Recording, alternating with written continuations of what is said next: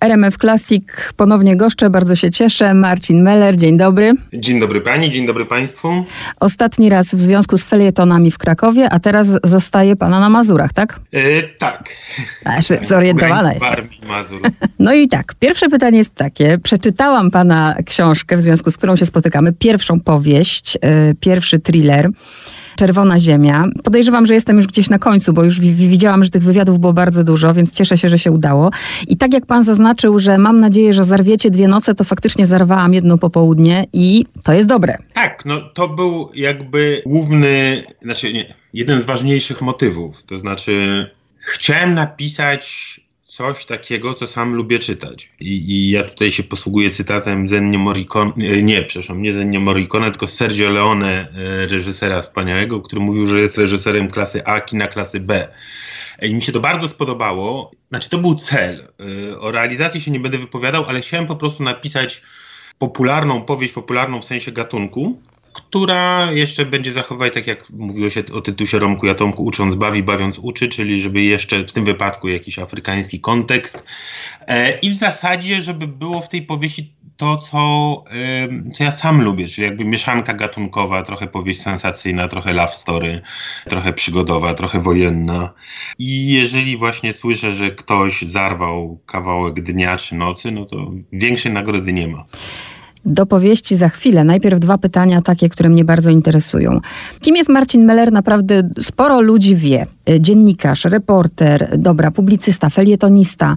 W głowie mi się zapaliło coś takiego, y, bo nawet jak ze znajomymi rozmawiałam, to, to było tak, Marcin Meller teraz powieść, ale Czemu? Dlaczego? I właśnie, jaka potrzeba za tym stoi? Bo właściwie pan już nie musi niczego i nikomu udowadniać. Na pewno to nie była tylko zabawa, bo jak przeczytałam posłowie, no to y, tam nawet były podziękowania, prawda, dla żony, były jakieś tam załamania twórcze, więc jaka potrzeba stała za tym, że Marcin Meller teraz startuje z, z, taką, z takim typem? To było, znaczy to naprawdę było bardzo, bardzo dawno. To znaczy ja pomijam jakieś próby szkolne, ale y, pierwszą powieść zacząłem pisać mając 20 parę lat. Nie pamiętam dokładnie ile, ale pamiętam gdzie mieszkałem wtedy. Zresztą na ulicy Polnej w Warszawie, która się pojawia zresztą w powieści Czerwona Ziemia, bo oczywiście wykorzystałem swoje dawne mieszkanie, żeby wsadzić do powieści. Ale tak na poważnie wtedy za, zaczynałem i zaczynałem potem przynajmniej jeszcze dwukrotnie. I, I nawet miałem, nie wiem, z 10 lat temu podpisaną umowę już na powieść, zupełnie inną niż niż Czerwona Ziemia. No jej zacząłem pisać, porzuciłem. Powiem tak, w zasadzie całe życie siedzę w literach. Jako reporter, felietonista, publicysta. E, zawsze lubiłem pisać i jakby w kategorii pisanie dla mnie powieść to była zawsze na, na szczycie. Tak jak, nie wiem, jest y, królowa sportów lekkoatletyka, tam nie wiem, koronny dystans, jakiś jedni że maraton, drudzy, że jakiś tam bieg. No to dla mnie w tej kategorii pisanie, w dyscyplinie pisanie to absolutnie powieść. Ja bardzo lubię różne gatunki. Uwielbiam literaturę faktu, reportaże dobre. Y, no, no w sumie Czerwona Ziemia jest poniekąd hołdem dla Kapuścińskiego, ale zawsze mnie to fascynowało, że ktoś po prostu ze swojej głowy czaruje jakiś świat, a ja jako czytelnik w to wchodzę, wsiąkam, zapadam. I dlatego tak strasznie chodziłem mi ta powieść po głowie i brakowało mi dyscypliny, brakowało silnej woli, ciągle mnie gdzieś nosiło a, a, i fizycznie, w sensie, że gdzieś wyjeżdżałem. No a mówię, żeby napisać y, powieść, no to trzeba po prostu siedzieć i, i, musi to długo trwać. I o ile ja się dobrze sprawdzałem w krótkich formach, czy, czy to felieton, czy, czy reportaż, no to nad reportażem, no dobrze, no to kilka nocy się posiedzi i się, mówię o takim gazetowym, nie, nie o książce, się napisze. Także miałem takie, no musiałem dorosnąć z tym. I to też trwało ładnych parę lat. Od momentu, kiedy wpadłem na pomysł Czerwonej Ziemi, przez te wszystkie w sumie miesiące i lata, kiedy ten pomysł dojrzewał, aż kiedy przystąpiłem do realizacji. Także to naprawdę była głęboka wewnętrzna potrzeba, z tym, że jak mówię głęboka wewnętrzna potrzeba, to zawsze mi się zapala takie czerwone światełko, bo to prosta droga do grafomanii i pisania rzeczy zupełnie nikomu niepotrzebnych. Ale e, więc miałem z jednej strony tą wielką potrzebę, a z drugiej strony no, dosyć precyzyjnie wiedziałem, co chcę napisać. To znaczy, że chcę napisać, specjalnie używałem tego słowa czytadło, to znaczy, żeby właśnie ludzie sobie to czytali w posiągu na plaży, żeby polubili bohaterów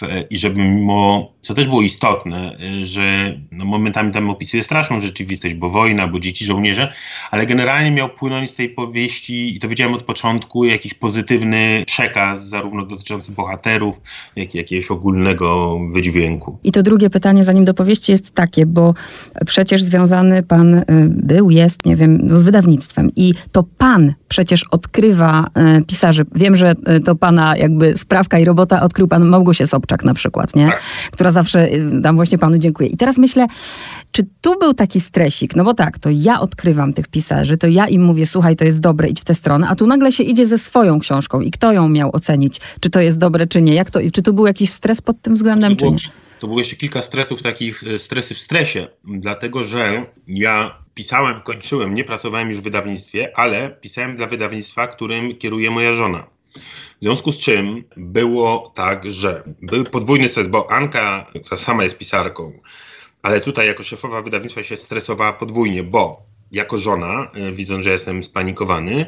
No i po drugie, w wydawnictwie wiele osób miało duże oczekiwania co do tej powieści, a ona była przerażona. A co będzie, jeżeli ona uzna, że to jest niedobre?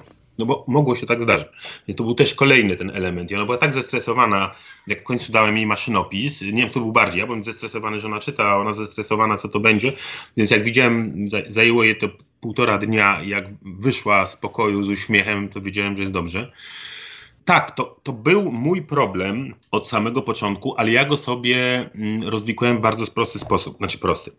Przez to, że sam pracowałem w wydawnictwie wiele, te ładnych kilka lat, cztery, prawie co do dnia, to też poznałem wiele osób z tak zwanej branży i po prostu, co jest może, e, ta wiedza nie jest powszechna poza, poza branżą, no ale w przypadku każdej powieści kluczową osobą jest redaktor. No tak jak w przypadku filmu producent, yy, tak w przypadku każdej książki, powieści jest redaktor. W Polsce jest ten problem yy, często, że autorzy uważają, że napisali dzieło skończone, genialne i nie chcą słyszeć o tym, żeby im ktoś coś poprawił. Natomiast z kolei na przykład w świecie anglosaskim yy, redaktor odgrywa olbrzymią rolę i często zawsze czytam podziękowania na koniec i to nie jest kurtuazja, że autorzy dziękują. Więc ja po prostu, w przypadku każdej książki musi być redaktor. Jeden, dwóch. Więc ja po prostu poprosiłem o dwóch konkretnych redaktorów, których poznałem e, pracując w wydawnictwie. To była e, od pani z Krakowa Elżbieta Kalinowska, e, mniej więcej moja rówieśniczka, która animowała zresztą dyskusyjne kluby książki, mega doświadczona redaktorka, sama tłumaczka z niemieckiego i o pokolenie młodszego, który mógłby być moim synem, Macieja Makselona. I to też zrobiłem specjalnie, dlatego że chodziło o inną wrażliwość, o właśnie o spojrzenie kogoś dużo, dużo młodszego. No i oni we dwójkę byli moimi partnerami y, do rozmowy. A i jeszcze co było istotne. Ja wiedziałem, i to też był klucz do dlaczego chciałem z nimi pracować. Ja wiedziałem, że oni mi szczerze powiedzą, jak coś będzie do bani. I Ela, z którą pracowałem, wiedziałem, że się nie będzie zupełnie certolić. I zresztą mówili po drodze. I ja wiele rzeczy zmieniłem, przy niektórych się upierałem, ale w każdym razie mogłem liczyć na ich szczerość, bo też wiedziałem, że oni nie będą chcieli mi zrobić krzywdy w sensie wypuszczenia czegoś niedobrego, a i sami jakoś będą swoim nazwiskiem, przynajmniej w tym mikroświadku, odpowiadać. Więc w ten sposób. To znaczy, Chociaż przyznaję, że miałem coś takiego, znaczy poziom nieufności, jak słyszałem pierwsze pozytywne reakcje, kiedy ludzie czytali maszynopis, to mi się cały czas wydawało, nie wiem, może on mnie lubi, a może nie chce mi sprawić przykrości. I tak naprawdę dopiero kiedy zaczęły płynąć głosy no, zupełnie obcych ludzi, po prostu, którzy, a już zwłaszcza jak, e, najlepsze są takie, jak ktoś pisze, że tego Mellera to ja nie lubię, bo mnie coś tam wkurza z innych powodów, ale Czerwoną Ziemię to się super czytało. To jest ludzkie i to jest naturalne. Ja jak w grupie właśnie znajomych to było coś takiego, a propos wydawnictwa żony, to było, a on to sobie może, nie? No, żona prowadzi wydawnictwo, on sobie tam może wydać co chce. I, I to było zaraz takie halo, halo, halo, ale stop, to jest naprawdę dobre, nie? Znaczy, wydać może sobie mogę i co chcę, tylko że ja, mm, ja nie upadłem na głowę. Ostatnia rzecz, jaka, y, jaką y, chciałem, to żeby, nie wiem co, skompromitować się, żeby wydać jakieś badziewie i żeby, żeby ludzie byli... Co więcej, wydaje mi się, że z powodu tych różnych uwikłań, to znaczy i mojego funkcjonowania przestrzeni publicznej, i właśnie tego, że żona kieruje wydawnictwem, tego, że sam pracowałem w wydawnictwie, i tego, że sam y, piszę dużo o cudzych książkach, znaczy, tu jakby byłem wdzięcznym celem do strzału i dlatego się tak bardzo asekurowałem. No i, i kiedy się okazało, że nie dość, że tak zwana szeptanka, czyli po prostu to, co sobie ludzie mówią, polecają, co można zobaczyć tam w mediach społecznościowych, ale że też jakieś recenzje, które się pojawiły, że, że jest dobrze. Znaczy, na, w tym sensie już naprawdę jakby mi ktoś chciał przyłożyć, to by mhm. przyłożył, y, ale więc to ja wiem. Na pozór to może wyglądać jemu łatwiej, ale y, proszę mi uwierzyć, że akurat w tym wypadku mhm. y, w pewnym sensie trzy razy trudniej bo no bo... Bo się jest no pod bo, obstrzałem, tak, wszyscy wtedy Tak. patrzą, nie? Tak. Jest dobrze, jest bardzo dobrze. Myślę, na których wątkach się skupić, bo tego jest dużo. Powiedziałam na początku, że to jest właśnie przygoda, sensacja, thriller, wszystko, wątek romansowy. I ciekawi mnie, czy tak jest łatwiej czerpać z, z tego, co się ma, czy nie, nie było w głowie czegoś takiego, a to pójdę na przykład w zupełną fikcję. Łatwiej, były dwa powody, znaczy kilka powodów. Po pierwsze, przez to, że to była moja pierwsza e, fikcja, to chodziło o to, że ja i tak miałem rozpisane te wszystkie postaci, kto się w którym roku urodził, żeby się nie pomyliło, żeby to jednak wszystko się zgadzało. Dam taki przykład, że nawet Wik- Wiktor, który urodził się w tym samym roku co ja i tam jest bardzo wiele ws- wspólnych cech, ale takie drobiazgi, co zresztą wychwycili czujni redaktorzy. Na przykład w którymś momencie w roku 96 bohaterowie rozmawiają i ona, Florence, mówi do niego, do Wiktora, używa, znaczy używała w moim maszynopisie określenia girl power. I redaktor Maxelon y, wychwycił, że o ile określenie girl power funkcjonowało od początku lat 90. w środowiskach powiedzmy feministycznych, lewicowych, na uniwersytetach, o tyle w sensie popkulturowym spopularyzowały to dopiero Spice Girls latem 96, a moi bohaterowie rozmawiają wiosną 96. Czy ja na przykład użyłem, że tam ktoś wiosną mówi o Mission Impossible?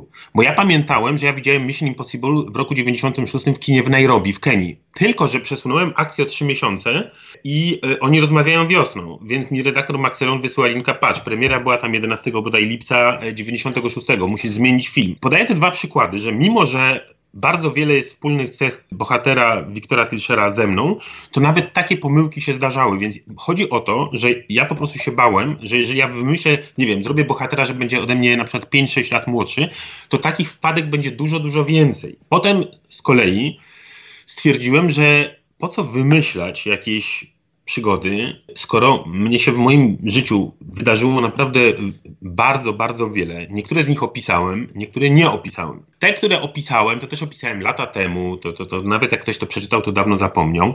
Poza tym ja to po prostu brałem jakąś historię i ją zmieniałem na potrzeby y, powieści. No to jest trochę tak, tu- tutaj dodałem trochę przyprawy, tutaj trochę pozmieniałem. Tutaj, nie wiem, y, uśmierciłem bohatera, który bynajmniej nie, nie zginął. Tutaj akurat w jakiejś sytuacji, kiedy nie było żadnej kobiety, ws- wsadziłem kobietę i tak dalej, i tak dalej. I pomyślałem sobie tak, że dla większości czytelników to nie będzie miało żadnego znaczenia, bo po prostu nie wiedzą, dla moich przyjaciół może, dla znajomych. To nawet miałem taką sytuację, że moja przyjaciółka, nauczycielka, którą znam całe życie, przeczytała Czerwoną Ziemię jeszcze w maszynopisie i mówi, że się wzruszyła, y, bo mówi, bo to ja malowałam ten transparent. A to, chodzi o to, że jak bohater wraca w 96 i witają go przyjaciele na, na dworcu centralnym, y, to właśnie jest, jest, transparent. I to moja przyjaciółka Magda, ja w ogóle zapomniałem o tym, że to ona. I tak dalej, i tak dalej, ale dla zwykłego czytelnika to nie ma absolutnie żadnego znaczenia. A jeżeli, bo tak się pojawia też tych, zwłaszcza patrzę na Instagramie, co tam ludzie piszą, że się zastanawiają, co jest prawdą, a co jest zmyśleniem, no to super. To ja też mam tak czasem, że jak wiem, że jakiś autor coś przeżył i tak się zastanawiam, ile w tym jest prawdy, ile, ile fikcji. Dalej, nawet paru moich y, znajomych, no bo główna bohaterka Florence, y, Ugandyjka, która na początku miała być postacią w ogóle trzecioplanową i mi zaczęła w trakcie pisania tak się rozrastać, rozrastać, teraz jestem bardzo z niej zadowolony. No i paru, paru znajomych mnie pytało prywatnie, ty, a Florence to była prawdziwa czy nie? Więc ja e, w zależności od wywiadu e, udzielam różnych odpowiedzi, e, tak pół żartem, pół serio. Więc, więc dlatego tak dużo Moja żona powiedziała mi, że każda pierwsza powieść jest po części autobiograficzna. Po czym dodała, że wolę nie wnikać, co w, co w tej powieści jest prawdą, a co z myśleniem. Więc dlatego tak było. Nie ciekawi naprawdę Kapuściński do pana zadzwonił? Tak, no historia z Kapuścińskim jest akurat kopiuj wklej. Tam, e, tam nic nie jest zmyślone. To wkleiłem, bo mi pasowało, ale to, to jest akurat w całości prawda. A tam jest różny stopień Historia z Kapuścińskiego jest 100% prawdy, tam inne mają 80%, a pewnie tam parę, parę historii jest wymyślonych kompletnie. Sporo wątków. Można spokojnie powiedzieć, y, że jedną z głównych bohaterek jest Afryka. Kiedy miałem pomysł pomysł pierwszy to był taki, że mm, ojciec i syn i ojciec, który schrzanił sprawę ojcostwa, potem próbuje to naprawić i, i coś się dzieje z dzieckiem i on musi ratować to dziecko, tego syna, studenta. To było na początku. I potem, kiedy się zastanawiałem, co ma się stać temu chłopakowi, nagle mnie olśniło. No, spędziłem ponad dwa lata, dwa lata w Afryce. Niech on zniknie w Afryce. W Ugandzie, bo tam najwięcej czasu mieszkałem. I kiedy opowiedziałem to, tam mówiłem znajomym i pamiętam kolega który, promotor książek, który się świetnie na tym zna, to on tak spojrzał tak mi, kurczę, Afryka, a w Polsce nikogo Afryka nie obchodzi, a nie, lepiej, nie mógłbyś zrobić, nie wiem, Bliski Wschód, państwo islamskie, bo to jest coś, co ludzi kręci. On podchodził do tego w ten sposób. No ja powiedziałem, słuchaj, no ja o Bliskim Wschodzie i o, o państwie islamskim to wiem tyle, co czytam sam reportaże i oglądam e, lepsze lub gorsze filmy, natomiast ja Afrykę znam, no już zwłaszcza ten, ten rejon. Więc tu się uparłem i to w ogóle nie było mowy o, o niczym innym. Natomiast faktycznie zastanawiałem się, jak to, jak to y, wyjdzie. I to jest jedno z tych moich zaskoczeń pozytywnych, jeśli chodzi o recepcję. To znaczy, że właśnie ta Afryka dla czytelników stała się pierwszoplanową albo główną bohaterką. I, i reakcje są co prawda różne. Niektórzy piszą, że po przeczytaniu Czerwonej Ziemi nigdy w życiu nie pojadą do Afryki subsaharyjskiej, a, a inni sprawdzają już ceny biletów do, y, do Entebbe, czyli do, do lotniska głównego e, Ugandy. I to jest świetne. Przy czym ja powiem, to, to tak wyszło trochę mimochodem, to znaczy inaczej. Ja wiedziałem, że ta Afryka ma być istotna.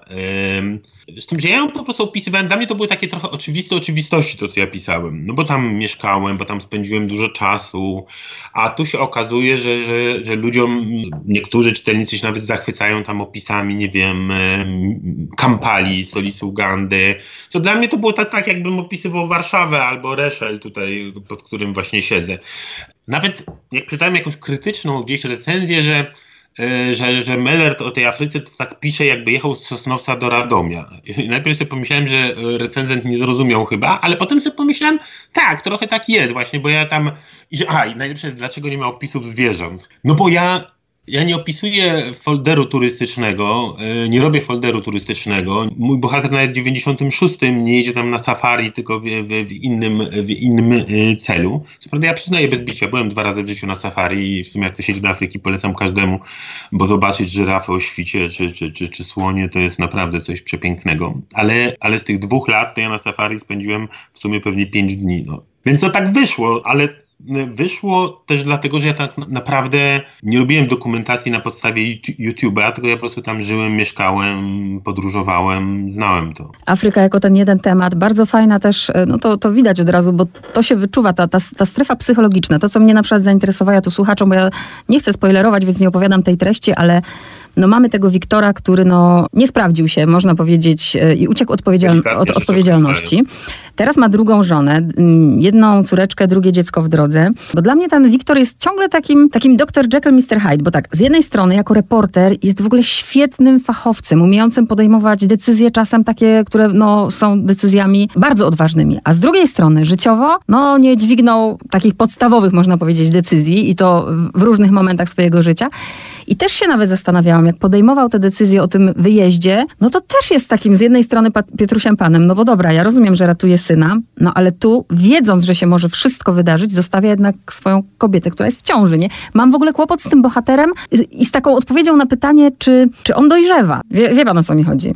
Wiem e, i to e, nawet ja pamiętam, jak mi ceniony przeze mnie pisarz Wojtek Chmielarz, to on, e, co mi, czego nie miałem na myśli pisząc, ale on powiedział, że właśnie o tym wyjeździe w roku 20 do Afryki Wiktora, on mówi, że, że, że ten Wiktor co całe życie od czegoś ucieka i że tak naprawdę ten wyjazd to też jest ucieczka. Ja nie myślałem w ten sposób pisząc to, ale widocznie podświadomość coś tam działała. Ale mówiąc tak, no, na, na tle różnych reporterów uprawiających zawód w dziwnych miejscach na świecie, to ten Wiktor to i tak jest jeszcze małe miki, powiem. E, tak, znaczy to jest e, w tym wypadku akurat to też od razu wyjaśnię, że, bo to jeszcze jak, jak pisałem, e, zaczynałem pisać, to moja żona do mnie, a ty wiesz, że jeszcze ktoś pomyśli, że ty masz nieślubnego syna, studenta i tak dalej. No wyjaśniam, nie mam. Moje dzieci mają lat 10 i 8, właśnie do mnie machają za okna. Ale i w tym sensie, tak jak pisząc postać Wiktora, robiłem sobie wariacje na, na, swój temat, w związku z czym czasami go wyposażałem w lepsze cechy, tam jakieś, kiedy się działa akcja, ale, ale też dużo gorsze, to znaczy porzucenie właśnie choćby dziecka, żony, etc. Powiem tak, znaczy z jednej strony chciałem, żeby to było niedo, niedopowiedziane, niedookreślone, żeby tak, e, żeby e, każdy się zastanawiał, znaczy każdy, jeśli ma ochotę się zastanawiać właśnie tak jak pani, co, co, co, co z tym Wiktorem w zasadzie. I, I tak, i on jest trochę Piotrusiem Panem, i on jest trochę, ja to po prostu wiele razy widziałem. Zresztą ten zawód, to znaczy, ja tam, kiedy y, akcja się na chwilę przenosi do południowego Sudanu, y, kiedy y, bohaterowie, czyli Wiktor Dziennikarz, między innymi spotyka się, spotyka tam jakichś ludzi z organizacji pozarządowych. Ja to widziałem, to, to jest taki typ, który, no, no, no, po co się jedzie w takie miejsca? No, oczywiście niektórzy mają mi, poczucie misji, ale zawsze jest potrzeba przygody. I ten typ tak ma, to znaczy, że mm, przygoda ponad wszystko. I ja tutaj nie odpowiem na Pani pytanie, co nim kieruje w tym roku 20 w trakcie wjazdu, bo ja specjalnie nie chciałem tego do, e, do e, dokreślać, mhm. żeby sobie każdy myślał, może jest tak po prostu przerażony wizją, że drugi raz utraci syna, znaczy raz na, na własną prośbę, a teraz z powodu jakiegoś dopustu Bożego, czy tam nie wiadomo czego. A może być tak, jak, jak, jak pani mówi, czy tak jak mówi Chmiela, że on mm. po prostu, owszem, sytuacja dramatyczna, dramatyczna, ale przy okazji można sobie skoczyć e, do Afryki. Ja raczej się skłaniam do tej pierwszej, e, pierwszej in, e, interpretacji, ale, ale na pewno to wszystko, co w życiu, y, w życiu narobił, no to też trochę wynika, znaczy pytanie, gdzie, jako gdzie jest kura, no, że, -hmm. że pewien typ ludzi ciągnie właśnie, nie wiem, na wojny, do zachowań ryzykownych, to z kolei takie życie stwarza, zmienia człowieka, więc ja widziałem bardzo wielu takich ludzi. Powiem tak, wśród wszystkich tych reporterów, reporterek, pracowników NGO-sów, to jakichś przykładnych mężów żon ja raczej nie spotkałem. E, raczej ludzie z rozwalonymi mniej lub bardziej życiami. Potem w którymś momencie następuje stabilizacja, kiedy, nie wiem, ktoś poszedł w lata albo, mm. albo porzucił te, te, te, jazdy po świecie, a niektórzy nie potrafią zrezygnować do końca. No i w wariancie skrajnym to po prostu niektórzy giną yy, nawet w dojrzałym wieku. Poza Florence, którą uwielbiam i jej bratem, który też ma jaja, to właśnie dla mnie jaja ma Agata, nie? W ogóle szacun. Chociaż y, w pewnym momencie ona tam, mm, no nawet w tych momentach delikatnych, w których się pojawia, pokazuje, że wow, nie każdy byłby gotowy. Tutaj nie dopowiadajmy. Teraz jestem ciekawa jeszcze, jeszcze, bo ja się przy tej książce, były momenty, że ja się, ja się tak śmiałam, aż nawet nie wiedziałam, czy, czy to jest właściwe, że ja się tak śmieję. I muszę zapytać, czy taki pan miał zamiar? Bo oprócz tego, że te wszystkie wydarzenia są bardzo prawdopodobne, to co on tam właśnie, co się z nim dzieje, te wszystkie upadki, wypadki, 10 metrów w dół. I zadałam sobie pytanie, czy Marcin Meller miał kiedyś złamane żebra? Bo to, co fizycznie ten Wiktor przechodzi, to jest po prostu niemożliwe, że on powstaje z martwych i idzie dalej. E, więc powiem tak, znaczy to się cieszę, że się pani śmiała, bo też o to chodziło. To znaczy, oczywiście tu była ryzykowna sprawa, bo tam, zresztą to też jest zasługa redaktorów, tam trochę rzeczy wyleciało właśnie z takiej z kategorii czarne poczucie humoru, bo uznali, że to jednak tam jest pewien dysonans y, byłby poznawczy, że on jednak szuka, no nie, nie może, tam zwłaszcza jak, kiedy Wiktor chodzi nosą po klubach kampanii e, i szuka pewnej kobiety, to tam, tam wyleciało sporo rzeczy, e, bo, bo e, redaktorzy uznali, że to jest zbyt frywolne jak na, na kontekst. Ja, tu, tu się pełna zgoda. Natomiast żebra.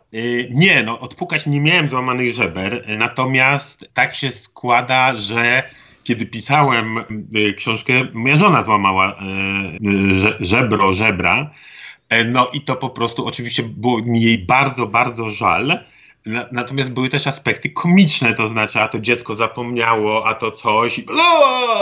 Także, także tutaj Ania mnie inspirowała, jeśli chodzi o. I poza tym myślałem, też y, ja lubię, sam lubię takie y, historie, kiedy ktoś ma jakiś problem właśnie w stylu coś złamanego, skręconego, a inni o tym nie wiedzą. Znaczy oczywiście nie można przeszarżować, żeby to się slapstick nie zrobił, ale uważałem, że tutaj, zwłaszcza w momencie, kiedy bohater ma złamane żebra, a się obraca wśród różnych twardzieli i generalnie w świecie, gdzie nikt się specjalnie nie przejmuje jakimiś e, drobnymi dolegliwościami, więc wie pani, e, tutaj idąc śladem tym żeber, tam się pojawia wuj Fred, e, który jest takim dosyć obsesowym gościem. No to, to a propos, co jest prawdą, co jest rzeczywistością. Akurat wuj Fred jest kopił w klej wujem Fredem, ale Gruzinem. To jest wuj mojego, nieżyjący już wuj e, mojego przyjaciela gruzińskiego, który właśnie miał takie, ja pamiętam zawsze się bałem, jak byłem koło wuja Fryda, bo jak mnie walnął w plecy, nawet jak nie miałem nic złamanego, to po prostu wypluwa,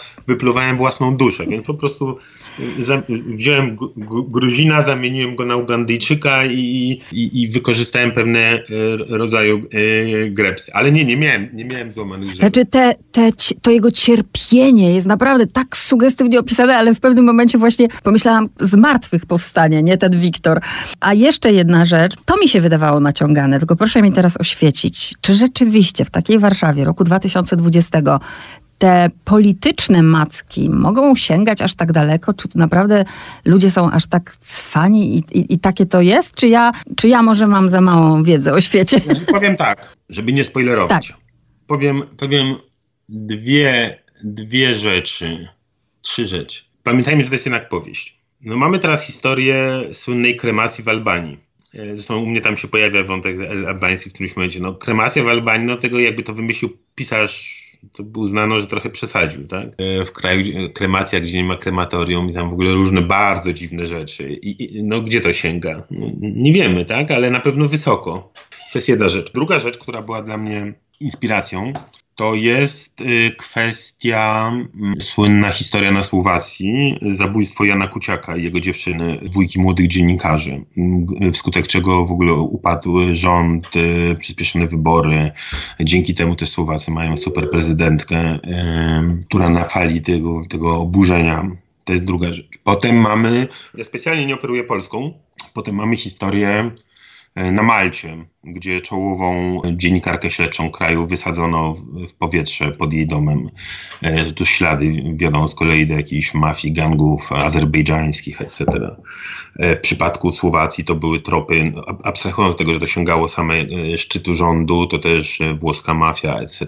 No i jeszcze bym parę historii przytoczył, także nie, nie będę mówił w tym wypadku szerzej tutaj o Polsce, natomiast czytałem sobie różne rzeczy. No i efektem tego, co sobie poczytałem, jest ten koncept, który się w, w Czerwonej Ziemi pojawia. Przerażający koncept, nie? Naprawdę, jak się tak e, o tym z tej strony pomyśli. Idę, e, idę o... E, jestem gotów się założyć, że jest to, jest to możliwe.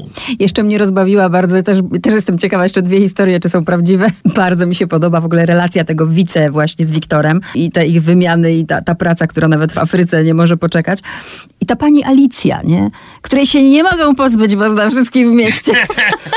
Powiem tak, jedyne co powiem, bo oczywiście wszyscy tutaj się pytają, a kto, a to jest to zlepek. No jest to zlepek, e, e, zlepek kilku osób, z którymi się zetknąłem e, w czasie pracy jeszcze i to nie w różnych miejscach. Także no tak, pasowało mi to. No a impreza na Polnej, bo to też jeszcze ta, ta impreza. To jest, a to jest, to jest prawda, to, to był mój Sylwester e, i zresztą jeden z kolegów z dawnych czasów powiedział, że tylko, słuchaj, tych strażaków to było czterech czy pięciu, nie dwóch, jak napisałeś w, w powieści. Znaczy tu wyjaśniam czy te, słuchaczom, to akurat nie jest spoilerowanie, no to, jest, to jest po prostu jedna scenka obyczajowa. W rzeczywistości było tak, że dwupokojowym mieszkaniu, w którym mieszkałem, zrobił się, zrobił się, znaczy zaprosiłem parę osób, e, a te parę osób zaczęło zapraszać dalsze osoby i w sumie, nie wiem, przyszło około 100 osób czy coś w tym stylu i w którymś momencie ktoś mnie woła, mówiąc, ty zobacz, Jezu, jak się jacyś, no wołają mnie do drzwi, ja przychodzę i stoją strażacy, znaczy strażacy. Byłem pewien, że to są goście przebrani za strażaków, więc mówię, ludzie, aleście się super przebrali. Oni takimi masowymi minami, my tu służbowo, Wyglądam przez okno, stoi wóz straży pożarnej, bo buchał taki dym papierosowy, potu, wszystkiego e, z tego e, mieszkania przez okna, że ludzie z drugiej strony podwórka, tam 200 metrów dalej, po prostu wezwali straż pożarną, bo myśleli, że się mieszkanie pali, więc byłem troszeczkę, e, znaczy no, jedyna pociecha była taka, że siedziba straży pożarnej była dosłownie 400 metrów dalej, więc daleko się nie, naj, nie najechali. Więc, więc pasowało mi to, nie ma to żadnego znaczenia dla, znaczy no ma pe pewne znaczenie, bo tam potem się coś coś dzieje tej tak, nocy. Tak. Ale wiele jest takich sytuacji, które nawet takich y, zajmują jeden akapit czy dwa zdania, mhm. y, a które y, wydarzyły się naprawdę, nie wiem, y, na przykład jak to są drobiazgi. Nawet jak Wiktor z, z synem są na kajakach. No to, to ja byłem z moim kolegą Michałem w roku 99 tak się nadzialiśmy na rurę na rzece Drawie, a z kolei Michał, Michał skądinąd, Michał Wójcik, autor popularnych książek e, historycznych, e, zwłaszcza o II wojnie światowej, to z kolei jednego z bohaterów, byłego e, oficera służb, nazwałem Michał Wójcik. No i tak, są takie, mówię, z punktu widzenia czytelnika to nie ma żadnego znaczenia, natomiast ja miałem, przynajmniej się bawiłem w tak. trakcie pisania. Ostatnie dwa pytania obiecuję, bo tytuł jest, może sugerować od razu, kto tu jest y, główną bohaterką, ale podejrzewam, że z tytułami to tak jest, że często też wydawnictwo ma coś do powiedzenia. Tu mamy też jakby taką szkatułkę, tytuł w tytule, nawiązuje tak. do książki, y, którą Wiktor napisał. Jak było z tytułem? Czyj to pomysł był ostatecznie? Y, znaczy, y, było tak, że ja chciałem nazwać książkę Ani Słowa o Czerwonej Ziemi. Znaczy ten żart, który jest powieści, tak. że Wiktor napisał książkę Ani Słowa o Czerwonej Ziemi, a mu promocja wymogła, żeby zmienić na Czerwoną Ziemię, bo nikt nie zapamięta tytułu, to jest to, co się zdarzyło w przypadku moim. To był taki mój żart, insider joke, E, który zrobiłem e, e, działowi promocji wydawnictwa WAB, było dokładnie tak samo. Znaczy ja chciałem nazwać ani słowa o Czerwonej Ziemi, natomiast generalnie większość ludzi, poza redaktorem Axelonem, złapała się za głowę, że nikt tego nie zapamięta. Myślę, że wręcz przeciwnie, to tak jak nie myśl o różowym słoniu. Ja po prostu, to jest tak, jest, jest takie stare żydowskie powiedzenie, że nawet jak jesteś trzeźwy, a ci wszyscy mówią, że jesteś pijany, to idź się połóż do łóżka. Większość, większość y, y, zainteresowanych w wydawnictwie była za y, uproszczeniem, czyli za czerwoną ziemią. To oczywiście zmieniało trochę sens, natomiast jak mówię, ja też słucham mądrzejszych, a tu to jest na przykład tak, no to wiem z czasów pracy w wydawnictwie, że często decyzja o zakupie książki, e, po pierwsze to jest ileś tam sekund, które ktoś poświęca na, nawet podświadomie na obejrzenie okładki, w związku z czym tu liczy się, żeby ta okładka była czytelna, żeby ten tytuł właśnie, być może, być może, ja nadal się zastanawiam, że tytuł z kolei ani słowa o czerwonej ziemi mi się wydaje jest fajniejszy, drapieżny, e, jakiś taki dziwny, no tylko mogłoby się okazać, że, a ja naprawdę miałem e, nadzieję i ambicje, żeby e, mały żarcik, żeby ta książka trafiła pod strzechy. Więc kiedy mi ludzie, którzy się tym zajmują na co dzień, mówią, że lepiej będzie, żeby była czerwona ziemia, okej. Okay. Natomiast jeszcze sobie pozwoliłem właśnie na żarcik pod adresem działu promocji wydawnictwa WAB w powieści, gdzie właśnie książka w książce, tytuł w tytule. Ja nie będę żartować, bo chciałam powiedzieć, że to jest książka dla ludzi inteligentnych. Ale dobra, ostatnie pytanie jest takie. No ma już pan Marcin Meller, ma już pierwszą napisaną powieść. Wie ile go to kosztowało? Tylko on sam. Pytanie.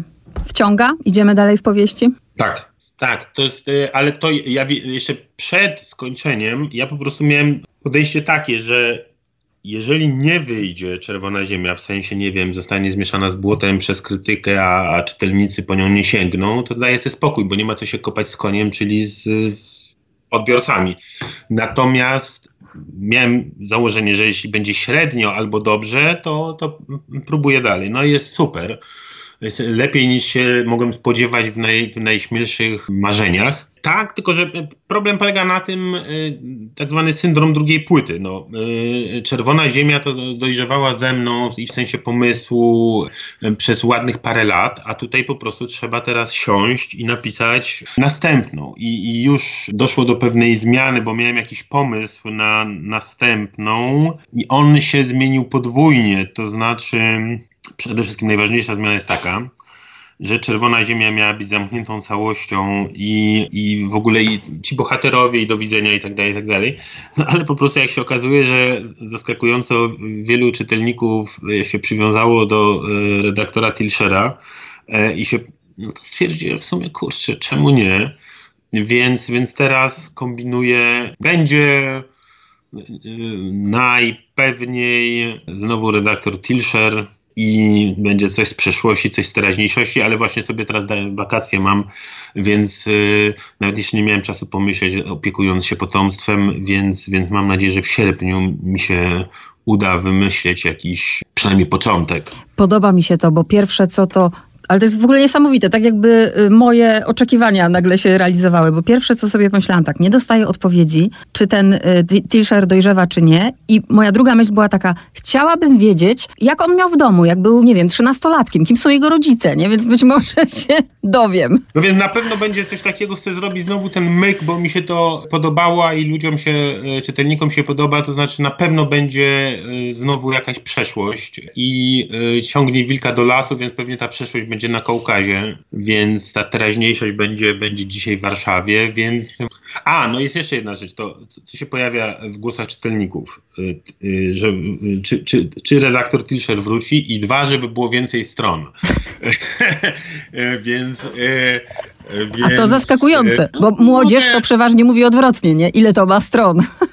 Ja tu się starałem właśnie, żeby to było skondensowane, więc zobaczymy, zobaczymy. Z tymi stronami to nie wiem, natomiast y, właśnie sobie teraz y, tak codziennie tam te parę minut próbuję myśleć i wymyślać jakieś historie. To jestem niesłowna, bo mówiłam ostatnie pytanie, ale aż mi przyszło do głowy, bo zadedykował pan tę książkę swoim dzieciom, y, no i Gucio się tu pojawił, 10 lat. To jest za wcześnie, żeby przeczytał tę książkę? Chyba tak. A chciałby? Chociaż... Są takie głosy, że tata tam da i przeczytać, czy nie? Nie, no ma tą książkę, nawet dałem mu egzemplarz z dedykacją E, ale, e, ale nie, nie czytał. Czytali 12-13-latkowie. Tam jacyś albo e, dzieci znajomych, albo dzieci nieznajomych, bo mi piszą ludzie. I że, że jacyś trzynastolatkowie właśnie się bardzo wciągnęli. No wydaje mi się, że trzynastolatek to spoko. Myślę, że ta granica jest gdzieś mm -hmm. pewnie około właśnie 12-13. Na razie ma dedykację, może być dumny.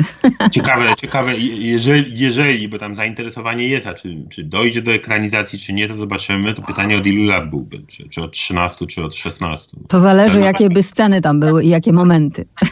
Właśnie. nie wnikamy. Dziękuję bardzo, jak zwykle super bardzo się dziękuję. rozmawiało i dzięki za książkę i do następnego. Bardzo dziękuję. Dzięki.